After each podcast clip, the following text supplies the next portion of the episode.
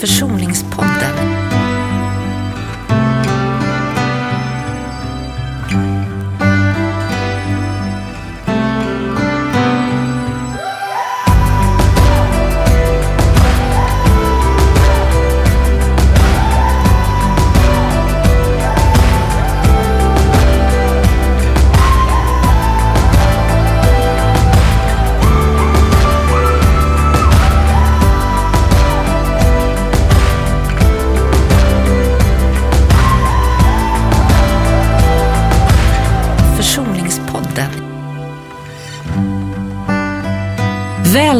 Till Försoningspodden. Idag är min gäst en kvinna som har eh, lång erfarenhet av hur det är att leva med föräldrar som inte riktigt har förmått. Hej Nicole! Hej. Välkommen till Försoningspodden. Tack. Nicole Chouadost som jobbar som kurator och är socionom. Mm. Beskriver jag dig professionellt rätt nu? Ja, Ja, professionellt rätt. professionellt rätt. Och du är här för att prata om hur det kan vara att vara barn till föräldrar där man har anledning att försöka hitta ett sätt att försonas. Mm. Är det rätt beskrivet? Ja, barn till föräldrar som gjorde så gott de kan. Så gott de kunde och det räckte inte riktigt. Nej. Har du lust att berätta lite om vad, vad du har varit med om som barn? Mm. Alltid lika svårt att sammanfatta, men man kan säga att jag växte upp i en dysfunktionell familj med eh, en mamma som eh, hade med sig eh, att hon växte upp i Jehovas vittnen Mm. och en pappa som inte hade bott i Sverige så länge. Eh, och de båda hade problem med alkohol. Det har förekommit våld. Men våld av också, dig eller våld mellan dem? Eller? Eh, våld mellan dem, våld mot min bror. Och jag vet inte om det har förekommit våld mot mig. Eh, det är faktiskt en sån där som jag inte vet. Mm, eller ja, psykiskt våld kan man ju också prata om förstås. Ja. Um, Och sen så skulle jag säga att vi alla bär på någon slags känslomässig barnslighet eller liksom eh, okunskap. Eh, att vi inte, varken mina föräldrar eller vi barn har varit så bra på att reglera känslor. Så det har gått runt, runt i ett system på något sätt. Äh, När du pratar om att reglera känslor, är det det du menar att det har gått överstyr eller blivit för våldsamt? Eller? men också att inte kunna eh, reglera skam till exempel, känna skam i fel sammanhang, känna rädsla för mycket, eh, känna mm, sorg utan att kunna trösta sig själv. Ja, men alla känslor är egentligen lite oreglerade eh, hos oss allihopa. Har du kontakt med dina föräldrar idag? Min pappa gick bort i januari, eh, men jag tycker att jag har kontakt med honom ändå. Mm. Eh, när jag ser fåglar så tänker jag att det är han som pratar med mig. Jag och mamma har kontakt. Eh, det går upp och ner, men vi har kontakt idag. Ganska fin kontakt skulle jag säga ändå. Om än lite, ska man kalla den? Vi pratar inte om allt. Så kan man säga. Tror du att det är för att spara dig eller spara henne? Eller spara er båda? Bra fråga. Jag tror att jag inte orkar bråka och jag tror att hon inte vågar höra mina reaktioner på saker. Eh, Vi orkar inte eh, helt enkelt öppna det igen. Lite så tror jag att det är. Det här kanske är en knepig fråga, men vad, vad är det du tänker att du inte har sagt som hon inte skulle orka?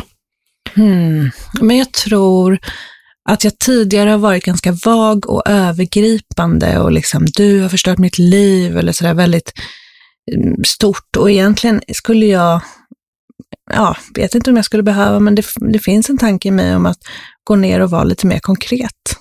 Mhm. Eh, och faktiskt säga så här, det här har skadat mig på de här sätten och det här påverkar mig idag fortfarande och visst, det är mitt ansvar som vuxen, men det kommer från de här och de här såren. Liksom.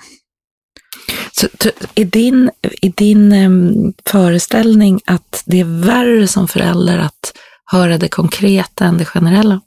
Ja, i alla fall som, som förälder generellt vet jag inte, men, men som min mamma, eh, för jag kan, jag kan nästan se framför mig hur hon skulle ducka undan fysiskt, liksom, och nästan dra sig undan så här med hela kroppen om jag började vara konkret. Mm. För då skulle det bli verkligare för henne, eller det skulle komma in, okej. Mm. Och det kan hon inte heller eh, liksom sopa bort med någon slags, "Ja, ja men det där minns jag inte, utan för är man konkret så måste man ju bemöta det på ett annat sätt, tänker jag. Jag har ju en föreställning om att om man fortsätter bråka med sina föräldrar inom situationstecken, vi kan ju diskutera om det är bråk Mm. eller inte, men så har man ett hopp om att bli hörd på. Mm. Och när man slutar bråka så har den, det hoppet delvis försvunnit. Kan, Mm. du, kan du, köper du det? Eh, Ja och nej. Alltså jag, ser, jag tror jag ser det som en vågrörelse mer, att det, det hoppar mellan det här hopp och acceptans och ibland, jag bråkar fortfarande ibland. Eh, Har jag, en, har jag en dålig dag och det har hänt massa saker och hon råkar ringa mig mitt i det, då kan jag kläcka ur mig och det är ditt fel, liksom, fort, fortfarande. Det tycker inte jag att jag ska göra som vuxen. Eh, eh, Jag tycker faktiskt att jag ska härbärgera det, för det hjälper inte att jag helt plötsligt börjar skrika på henne. Eh, Men det är klart, det finns, en, det finns ett barn i mig som vill ha en eh, ursäkt. Jag, jag tror inte att jag tycker att det är barnsligt eller att man borde, liksom, för att jag tänker att man är ju alla sina åldrar som ett Mm. träd. Eh, och min fråga till dig var mer liksom att jag tänker att när man gör det där för 250 gången så är det väl för att man hoppas att nu ska jag bli hörd, eller? Ja, jo okej, jo, jag, jag får upp nu att jag ändå har liksom försökt på olika sätt. Ja, det, jo, men det är, klart att det, fin, det är klart att det finns en del av mig som tänker, men det här, på det här sättet så kanske hon hör mig. Men det är lite svårt att erkänna också att det där hoppet finns. För att? Ja, men just som du säger, du säger att du inte tänker att det är barnsligt, men eh, jag tror att jag har lite svårt att eh, tillåta mig själv att, att, att eh, ja men, jag tycker att jag är barnslig när jag har behov. Eh, Mhm. Sorgligt eh, att säga, höra mig själv säga så, Mhm. men eh, ja, så, så är det nog faktiskt. För att jag, jag tänker att um, alltså känslor är aldrig barnsliga. Eh, känslor är. Eh, och det är våra handlingar utifrån våra känslor som kan som man kan ångra. Mm. liksom. Där kan jag nog också ha svårt att skilja på känslor, eller för den delen impulser. Liksom att min impuls är att nu vill jag eh, kasta grejer omkring mig, så, men jag gör det ju inte. Men jag kan nog ha svårt att skilja på, på det faktiskt. Jag tycker ju om eh, den eh, tanken just som jag sa till dig, att våra känslor kan vi överhuvudtaget inte värdera. Mm. Så det är väl där man kan vara. Går det att nå fram med en handling, men känslan är, vad, vad tänker du när jag säger så? Jag tänker att det låter svårt att...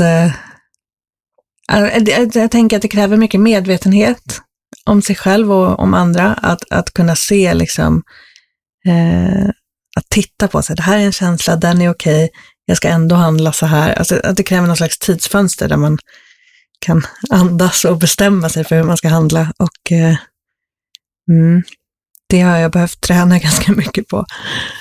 Man får ju akta sig tycker jag, Mm.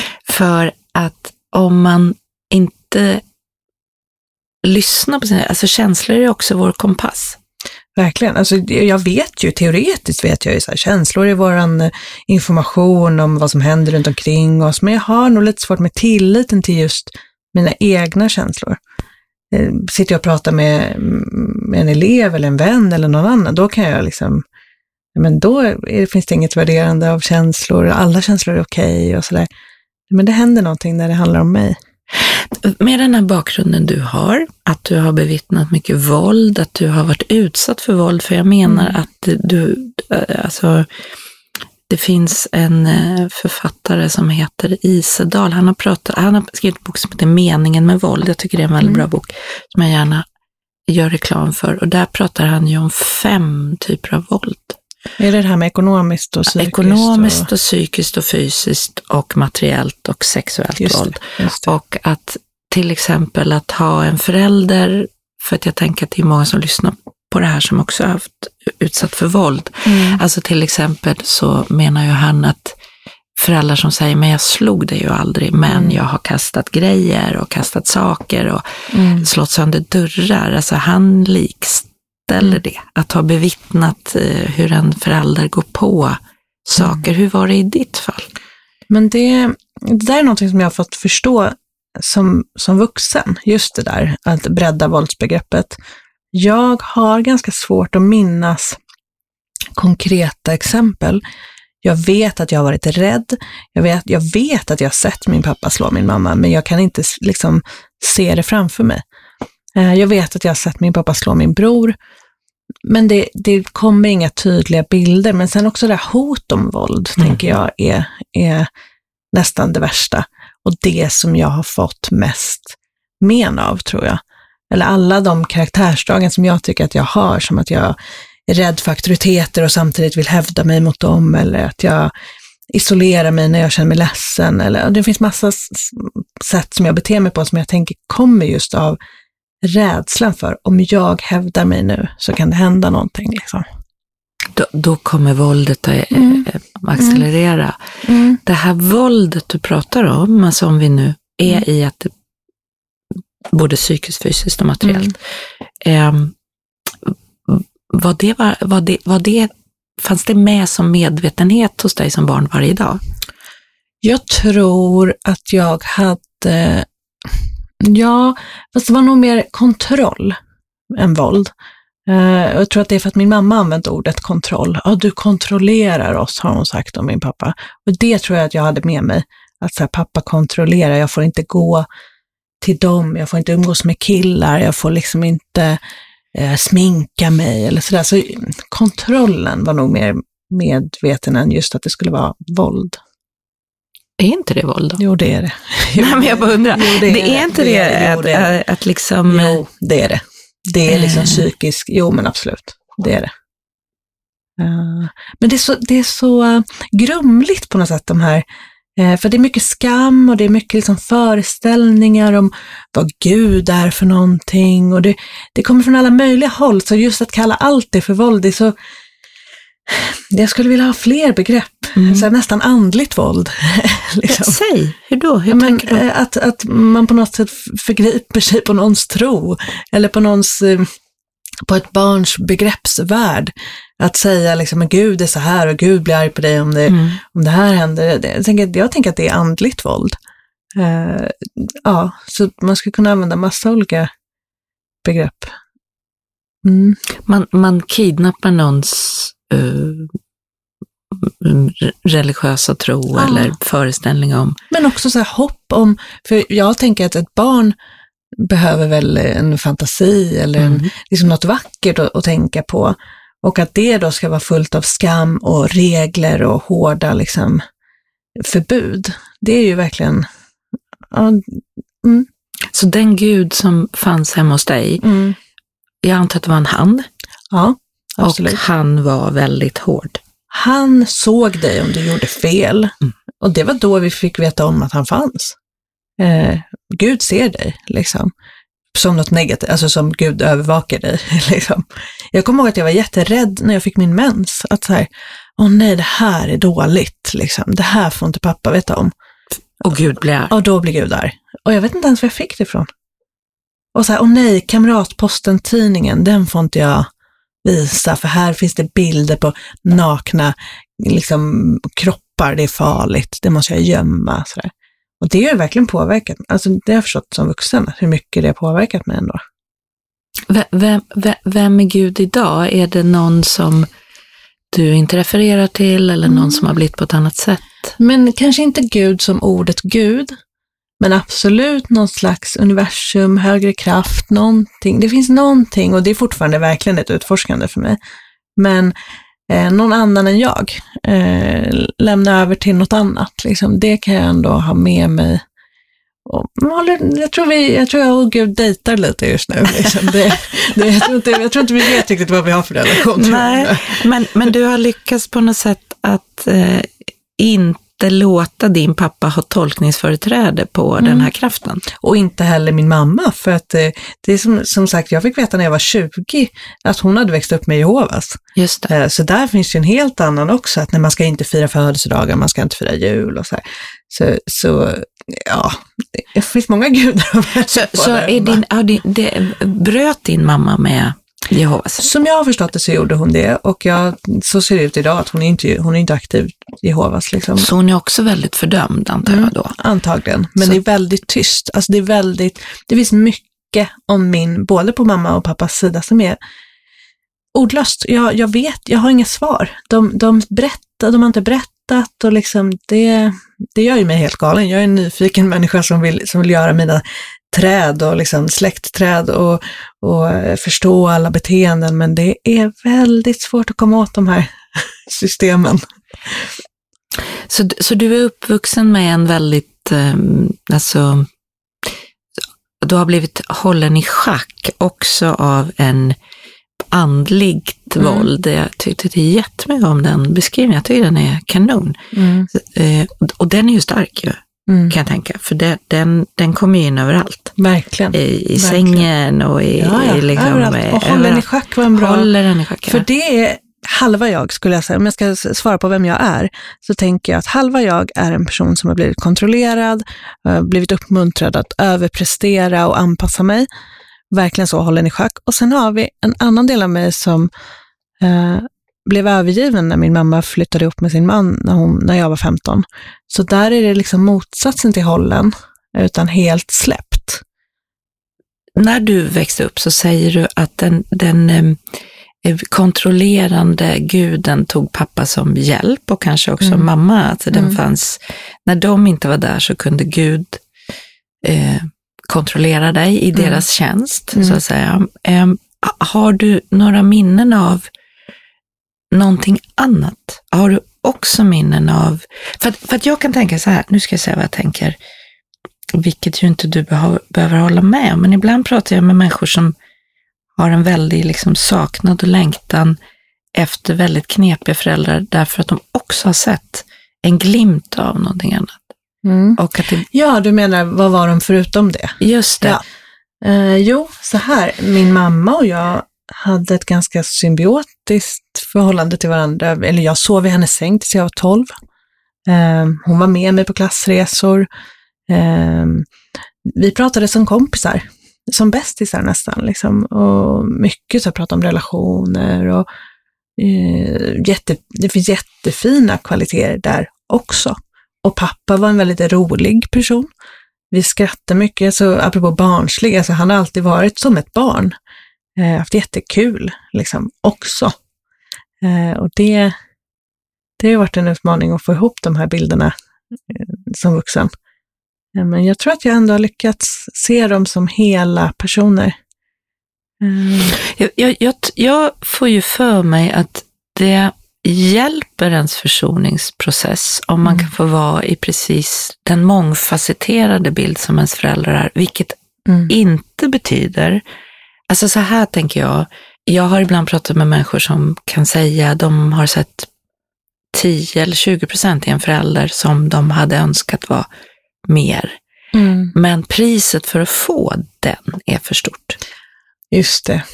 Och, och då, tro, då tror jag, jag ska intressera vad, vad du tänker om det, att jag är inte säker på att jag tror att det hjälper en att svartmåla det som inte var svart.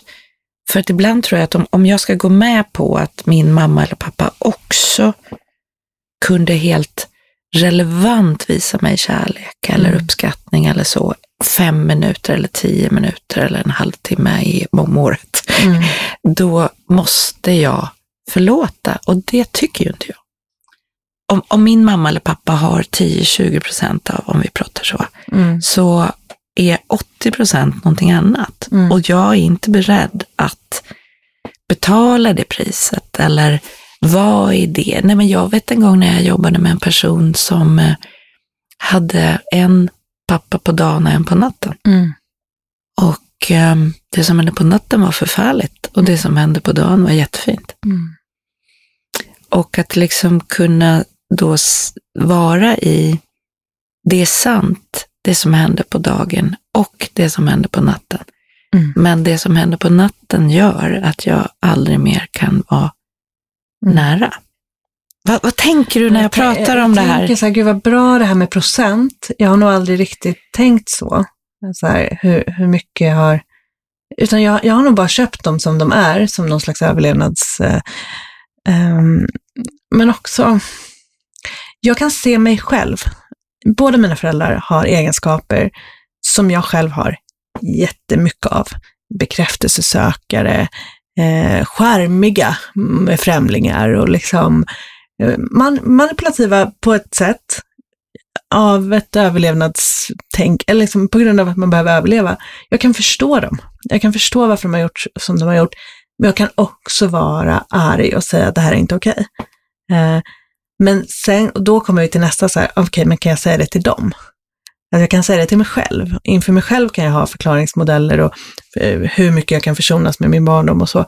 Men nästa steg blir ju liksom, hur mycket kan, kan jag sätta mig med min mamma och säga, eh, mm, du har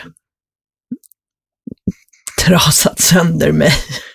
Eh, det vet jag inte om jag kan och jag vet inte om det behövs. Eh, vi kanske kan ha eh, en relation till varandra ändå, eller så är det fake och så borde jag egentligen, det, det, jag, jag vet inte. Det handlar ju om det här med försoningsstrategier, som det har varit ett avsnitt om i den här podden. Alltså att det här med, alltså, Kan inte du säga de där fyra? Jo, jag ska, fyra- tre, ja, tre. Det ena är ju att jag förstår att jag kommer aldrig få det jag behöver. Men det jag får tycker jag är så pass, vad ska man säga, värdefullt för mig. Så jag väljer att ha kontakt med min förälder. Man kan ju ha en humor med en förälder, man kan ha en glädje i vi lagar så god mat Mm. ihop, Mm. eller vi, liksom, vi pratar så bra litteratur ihop och så. Mm. Så jag känner det där, jag känner mig varm när vi är i det. Däremot ska vi aldrig prata om. Vi ska aldrig vara i, vi ska aldrig göra det där andra. Mm. Och när jag vet det så kan jag umgås. Sen finns det en strategi, om jag tar det här med att vara en pappa på natten och en pappa på dagen, låt säga att det var 50-50, så är det ju inte i tid, Mm. så är det ju inte 50-50 i skada. Nej. Och då blir det så här, om, om, om jag ska ha en pappa som inte till 100 procent förstår eller tar ansvar för vad han har gjort mot mig, Mm. så, så kan du vara hur gullig som helst på dagen. Det hjälper mig inte. Det väger ändå inte Det, upp. det väger aldrig upp. Nej. Det väger inte upp. Så en försonings... Den ena är, jag tar det jag kan få eh, och väljer att umgås. Mm. Det andra är ju, det kostar för mycket att få det jag eventuellt kan få. Att du och jag, mamma, delar intresset för mat eller att du och jag, pappa, har det här musikintresset ihop, Mm. väger inte upp hur du skadade mig Mm. på natten eller på måndagar eller när du var full eller det väger inte upp. Så jag väljer att bryta därför att jag hamnar alltid i em, saknaden eller det blir för stor förnedring Mm. eller det blir för stort självförakt eller det blir för stort För stor förnekelse, tänker för jag. stor förnekelse och- av mig själv. Ja, alltså. exakt. Mm. exakt. För där kan jag hamna ibland. De perioderna när jag inte har kontakt med min mamma, då är det för att jag känner att jag kan inte vara ärlig mot mig själv. Jag sitter här och upprätthåller att inte prata, inte känna, inte lita på någon. Mm, De här klassiska reglerna i familjen sitter jag och återupprepar. Och det vill jag inte göra. Sen ibland när det känns, ja men jag kan vara ärlig, jag kan vara jag, då känns det värt det. Men det går i vågor och det beror också på hur närvarande hon är. Eh, och hur, hur, ja, men hur mycket hon vågar känna framför mig.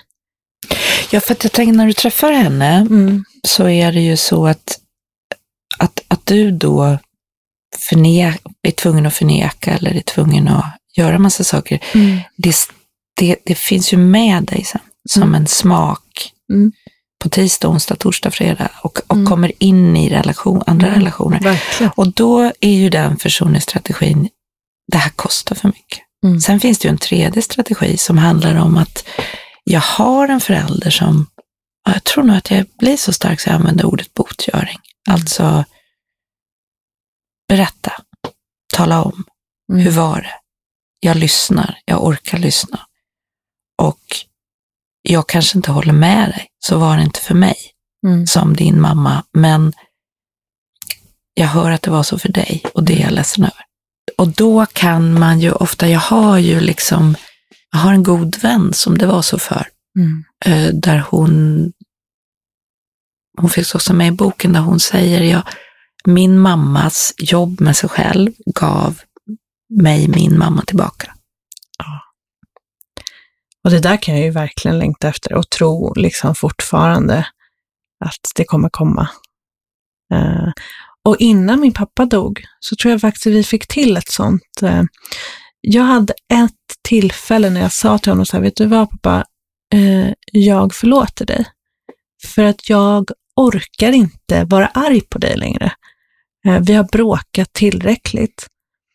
Kan vi inte ta den tiden vi har kvar med varandra nu och bara ha roligt. För det, det var liksom, det var egentligen inte för att han hade förstått exakt vad han hade gjort, men jag, det, var, det var dags på något sätt, att jag ville släppa det. Så där fick jag lite, han kunde säga jag har varit elak och jag har varit en dålig pappa och han kunde ändå säga det. Eh, han kan till och med, jag tror han kunde säga ordet förlåt också, det är annars något ord som vi aldrig har hört i min familj, ordet förlåt. Um, så det, men det är återigen det här att det är helt olika, jag tänker på de här strategierna, det, det, jag har behövt förhålla mig helt olika till mamma och pappa, så jag kan liksom inte se det som, ehm, jag kan inte använda samma med de båda. Ehm, men jag, jag får syn på nu när vi sitter och pratar att så här, är jag inte medve- jag är nog inte medveten om vilken strategi jag använder med mamma, utan jag låter nog det bara hända från gång till gång. Och jag blir lite sugen på att ha lite mer aktivt koll på, eh, sitter jag här och är liksom, har jag accepterat att det är som det är, eller har jag inte det? Och är det okej med uttrycket så här, är det pris jag betalar, Mm. Mm. är det värt det? Exakt, det där, det där är en nyckel tror jag. Ja, därför, därför att jag tror inte alls att det handlar om acceptans. Det handlar om eh, att jag, när jag går härifrån så, så eh, mår jag så, jag ska säga något jättestarkt, jag vet Mm. inte om jag håller med mig, men alltså nästan att vara själsligt prostituerad, är du med på jag menar? Jag har liksom sålt mig på ett sätt som jag kommer att äcklas av, eller Känslomässigt bakfull kan man kan känslomässigt kalla det bakfull. också. Ja. Eh, Jag kan känna att jag blir mer känslomässigt otillgänglig eh, i andra relationer när jag har varit med mamma. Jag kan också känna att jag blir alldeles för känslomässig och geggig med andra för att det blir o- känslomässigt onyktert. Jag har varit i en relation där det inte är ömsesidigt, det är inte ärligt eh, och då geggar jag till det någon annanstans. Så absolut, ibland är priset, eh, men, men, men det, jag får en, liksom en insikt när vi sitter här att ibland är ju faktiskt priset för högt. Vad gör jag då? Eh, då gör jag, då låter jag det vara så. Eh, och det vill jag nog inte göra.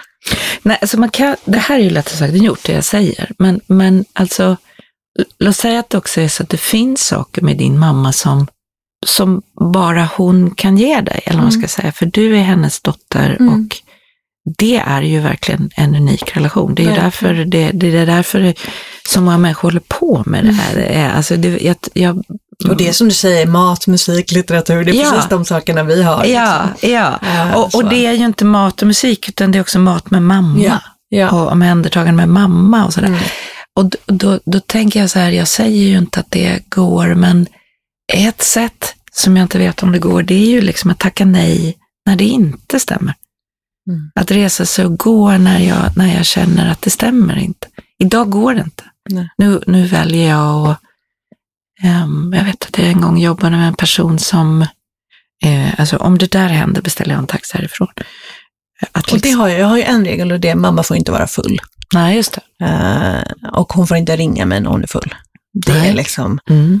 det är en sån, där går gränsen. Mm. Men jag skulle vilja ha samma regel för när vi hamnar i det här självutplånande offer, uh, vi båda två liksom sitter och geggar och ält, eller något, där det är lika mycket full över det. Så egentligen skulle jag vilja kunna säga då, stopp, eller bli bättre på identifiera när vi blir känslomässigt onyktra helt enkelt. Vad, vad, det där är ju ett jättebra uttryck. Vad, vad,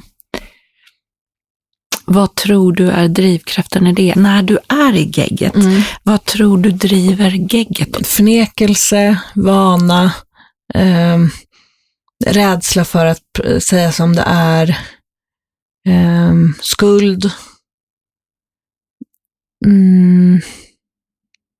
Men jag tänker så här, när jag, när jag är i, i, om jag är i en relation med en man till exempel, så kan jag bli ett offer. Eh, och kan, om vi tittar på en film och det handlar om någon som det är synd om, då är det jag på en gång. Eh, liksom, ja ah, men så här var det för mig också. Och, och jag tänker att eh, det jag vinner på det är att, eh, alltså till syvende och sist bekräftelse. Alltså, mycket av de här beteendena vi utövar mot varandra, även jag och min mamma, är, är för att vi är bekräftelsesökare. Vi vill liksom så här, säga att det är, säg att det är synd om mig, säg att jag är okej. Okay, liksom. eh, och det är det jag menar, tror jag, med känslomässig onykterhet, när vi söker, här är jag ganska sträng mot mig själv, men när vi söker bekräftelse av andra istället för av oss själva. Eh, och eh, Ja, det kan jag också prata om hur länge som helst, jag ska inte fastna i det. Men Fast jag tänker ju, som jag tänker, så rätt jag dig nu? Nej. Så tänker jag ju att um, det finns ett vackert uttryck som är, jag ser mig själv i dina ögon. Mm. Och jag tänker ju att det, att det i princip är omöjligt för oss att bekräfta oss själva. Alltså vi måste läsa oss i någon annans ögon. Mm. Därför att det här, det här uttrycket som jag älskar, alltså det finns den minsta enheten är en människa i relation. Och jag håller egentligen med. Alltså jag tycker så. Jag tycker så med alla andra. Eh, jag, jag tycker att vi är våra relationer, vi blir till i samspel. Eh, vi läker i samspel, vi, vi kan läka skam i, i liksom det. Men sen har jag den här, och det kanske är pappas gud eller vet inte, men som säger till mig så här, fy fy, du får icke söka bekräftelse utanför dig själv. Uh, så den, mm. Men tror att det kan vara också så här, om, om det jag har läst som barn i mina föräldrars ögon är mm. någonting jag inte har någon användning för. Mm. Därför den är sträng och våldsam och mm, psykiskt destruktiv på massa olika sätt, mm. så, så blir ju det också en total överlevnadsstrategi att tänka att jag måste bekräfta mig själv. Det är också en djup kroppslig erfarenhet mm. av att när jag gör det mm. så kommer jag, det är fara. Mm. Så det är fara att söka bekräftelse hos någon annan. Men också att vi lever i ett samhälle som säger så här, du måste älska dig själv innan du kan älska andra. Mm. Så här. Mm. Jag tror att jag tar in mycket av det också. Mm. Jag tror ju inte på individualiteten på det sättet. Alltså vi är hela tiden ju i sammanhang. Mm. Eh, men men okej, okay, om jag då får fråga tillbaka då. Mm. Skulle det då betyda, för, för jag tänker att min självkritik kan bara jag göra någonting åt. Att jag håller på att slå på mig själv i mitt huvud kan inte någon annan plocka bort. För det är ju jag som tänker saker om mig. Men jag tycker samtidigt att har jag tillräckligt många goda erfarenheter av, av relationer så, så blir jag läkt och så blir jag snällare mot mig. Men, men det är ju inte andras uppdrag att tysta min självkritiker. Eller? På hur man ser det, är det inte vårt, vårt uppdrag i livet att eh, stärka varandra? Så jag blir man... jätteglad när jag, när, jag, när jag tänker att det är så och jag kan luta mig i det, då känns det ja. så här, gud vad skönt. Du har ju till och med valt att jobba i ett jobb där du stärker andra människor. Mm. Så varför ska vi, varför är det så fruktansvärt farligt att vara beroende eller att eh, liksom mm, bli, alltså att, att vi hjälper varann. Är inte det själva vitsen på detta korta jordeliv vi har? Ja. Att på något sätt eh, um, alltså, göra tillsammans. Det, där, det är intressant att du ställer den frågan just till mig. För att det, det där är nog min, om jag ska säga liksom vad jag brottas mest med, så är det precis det att eh, när min mamma lämnade mig när jag var 15 så blev jag väldigt beroende av andra människor runt omkring mig. Jag behövde mat, jag behövde sömn, jag behövde tak över huvudet, jag behövde massa, massa, massa saker och blev eh, fobisk. Jag kunde inte gå utanför mitt hus i princip utan att någon annan var bredvid. Så jag har gjort det till något slags livsuppdrag att aldrig mer vara så behövande. Så att jag liksom har misstolkat behov, behövande som något negativt. Som något som man inte får vara i. Och det är svårt att vara i relationer om man inte vågar behöva. Så det där är verkligen, där kommer vi verkligen åt det här, eh, men på något sätt, jag kan känna som en kärna i mig, att det här, dubbelheten mellan att vara självständig och få utveckla sig själv och att, att behöva andra. Eh, det... Mm. För, för att vi, vi lever ju liksom också i en, en um, vad ska man säga, väldigt värdering kring det här. Vi lever ju i ett superindividualiserande och, och jag vet ju inte riktigt vad din pappa var från för kultur, men jag antar att Men det var mycket mycket mer mer kollektiv. kollektivistisk, Ja, där man också, eh, alltså där man går åt andra hållet tycker jag, där man suddar ut Ja. individen på något sätt. Exakt. Och, eh, eh, Och det har jag fått höra mycket, så här, jag är ju din pappa, du ska ta hand om mig. Just du det. ska. Ja, just det. liksom. Just det. Ja. Där det liksom spelar ingen roll vad, hur du har varit mot mig, utan Nej. du... Och det tror jag inte på, men jag tror heller inte på det där att den är bäst som skapar sig själv. Det där är ju totalt nonsens. Det är ju ingen av oss som skapar sig själv. Nej. Det- är bara det att man... Eh, eh, att, att, att, vi, att vi behöver ha en inre kompass kring vem ska jag lyssna på och inte. Och det där är ju svårt. Men, Mm. men jag tänker att den här interaktionen mellan dig och mig, alltså Mm. jag, du, jag, du, jag, du, Mm. den går ju blixtsnabbt. Så det finns ju ingenting som heter jag. Eh, bara jag. Det är jätte, jag blir jättelugn när du säger så. Ja. Det känns jätteskönt att Ja. tänka så. Eh, men så tänker jag på alla vi som bor i varsin etta just på vintern ja. i Stockholm. I pandemin. Ja, i pandemin. ja, men så, här, så sitter vi där varsin etta, varför Ja. gör vi det? Eh, och det är så här, nu ska jag klara mig själv. ja, Jag ska laga min mat här till bara mig. ja, Jag hade mycket hellre haft att vi bodde i kollektiv allihop, egentligen. Så Ja. jag, mm.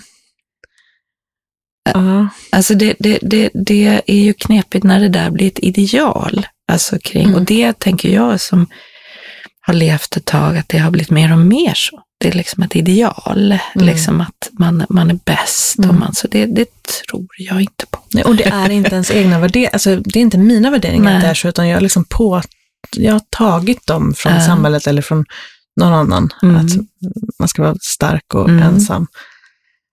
Men, men om vi går, jag tyckte det var intressant när du pratade om det här med offerskap, för att själv definierar jag ju offerskap som någon som inte kan göra val.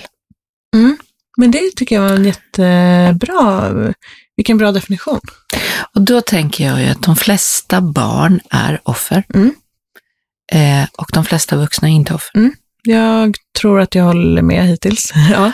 Ja, det finns vuxna offer, men Mm. de är inte så många. Nej, för då har man blivit berövad någonting rent Ja. liksom. Alltså, Man är i en situation där man inte kan röra sig eller där man inte ja, kan eh, alltså på olika du, sätt. ja. Ja. och eh, eh, det är eh, tufft kanske att säga så, men jag vill tänka. Det är inte samma sak som att det inte är synd om mig. Nej. Det här är olika saker. Mm. Jag tror att det är jätteviktigt att det är synd om mig. Mm. Alltså att jag får ha självmedkänsla, Mm. självömhet. Mm. Fint med självömhet. Jättefint. Det har varit så sällan jag fått höra att det har varit synd om mig. Ja. Jag tror att jag gärna hade behövt höra någon gång, fan, fan vad synd det var om dig. Ja, Liksom. ja, Vad synd om ja. dig. Och jag, fick se, jag var på en konferens en gång em, och då var det här med självmedkänsla väldigt stort. Mm. Och då fick vi sitta så allihopa och säga Åh, till oss själva. Oh. Och det var ganska så här skönt, oh. därför att jag tänker Som att vagga lite. Som att vagga. Så här, att, för att jag tänker att det är klart att det är synd om dig. Mm. Det betyder dock inte att du inte har val. Nej, Eller och då ansvar. kommer det här maktlösbegreppet. Mm. Liksom att så här, ja, men jag kan vara maktlös inför vad som har hänt. Det är jag. Jag kan ju inte gå och ändra historien. Det, det kan jag inte göra. Men jag är inte maktlös idag. Nej, men, men nej, och då tänker jag så här, att inte igen vara för hård eller så här, så tänker jag så här, om jag är ett före detta barn som har upplevt extremt mycket vanmakt, mm. alltså att jag har inga val, mm. jag är ett extremt offer. Jag kan inte säga till pappa, din Gud kan skita på sig. Jag tror faktiskt inte på en sån Gud. Mm. Det låter för hårt. Eller jag kan inte säga så här, idag får ingen slåss. Mm. Eller jag kan inte gömma all sprit och så vet jag att de slutar dricka. Det är inte i min makt och jag är tvungen att leva i det. Mm. Eh, då har jag ju fått med mig så extremt mycket erfarenheter av maktlöshet. Mm. Så att bryta det är inget, man måste vara själv öm där. Det är mm. inte så konstigt att jag går till en strategi där jag tänker att jag inte har så mycket val. Det är jätteskönt att höra dig säga det så rakt ut, för att jag, jag, jag tror att jag som yrkesverksam också ofta använder de här begreppen som jag lär mig, så här, inlärd hjälplöshet eller alltså försätta sig i något försvar av, av jag gör mig själv hjälplös. Jag kan liksom använda det att slå på mig själv med. Så, kolla, nu går jag in i det försvaret. Nu var det det försvaret. Ja, försvar. De är till av en anledning. Liksom. Det, Absolut, ja. och den här lilla, liksom, lilla tjejen i dig, hur gammal är hon? Hon är både fyra men också 14. Okej, okay. men om vi pratar om fyraåringen mm. så tänker jag att hon blir såklart livrädd om mm. du börjar att försöka använda andra strategier. Nej, nej, nej, Nicole, mm. säger hon. Mm. Det där är farligt, mm. alla kommer att svika dig. Mm. Så att liksom, jag tror att man måste vara... Hon reagerar även om jag blir för glad. Okay. Hon är jätterädd för att, för att jag ska bli för glad också. Alltså hon, hon reagerar på alla känslor, inte för mycket av det, inte för mycket av det, inte för mycket för av det. För vad händer då? För då är man pinsam. Eller då, är man, mm. eller då, kan man bli, eh, då kan man bli sviken. Hoppas inte på det här till exempel. Ja, det får vi inte. Det måste vi se till att vi inte hoppas. Ja. Om man drar ner garden för mycket mm. så kan någon mm. klippa till. Mm. Och det gör man när man släpper på mm. känslor. Mm. Nu har du lyssnat på första delen av samtalet mellan mig och Nicole. Och vi har pratat om hur det är och vad det blir för följder av att ha en destruktiv barndom om man är barnslig som reagerar på sin förälder som vuxen, skillnaden mellan känslor och handling och begreppet andligt våld. I nästa avsnitt så fortsätter mitt samtal med Nicole och då har jag två frågor till henne. Vad hade du för förklaring som barn till det som hände dig? Och hur ska du göra dig uppmärksam på de val som du har i relationen till din mamma? Du har lyssnat på Försoningspodden. Minns att ordet försoning betyder att lägga ner en strid. Inte för att det man stred för var det något fel på, men för att man inte kommer vinna. Producent för den här podden är Erik Zettervall och om du har några frågor eller funderingar så välkommen att mejla dem till försoningspodden gmail.com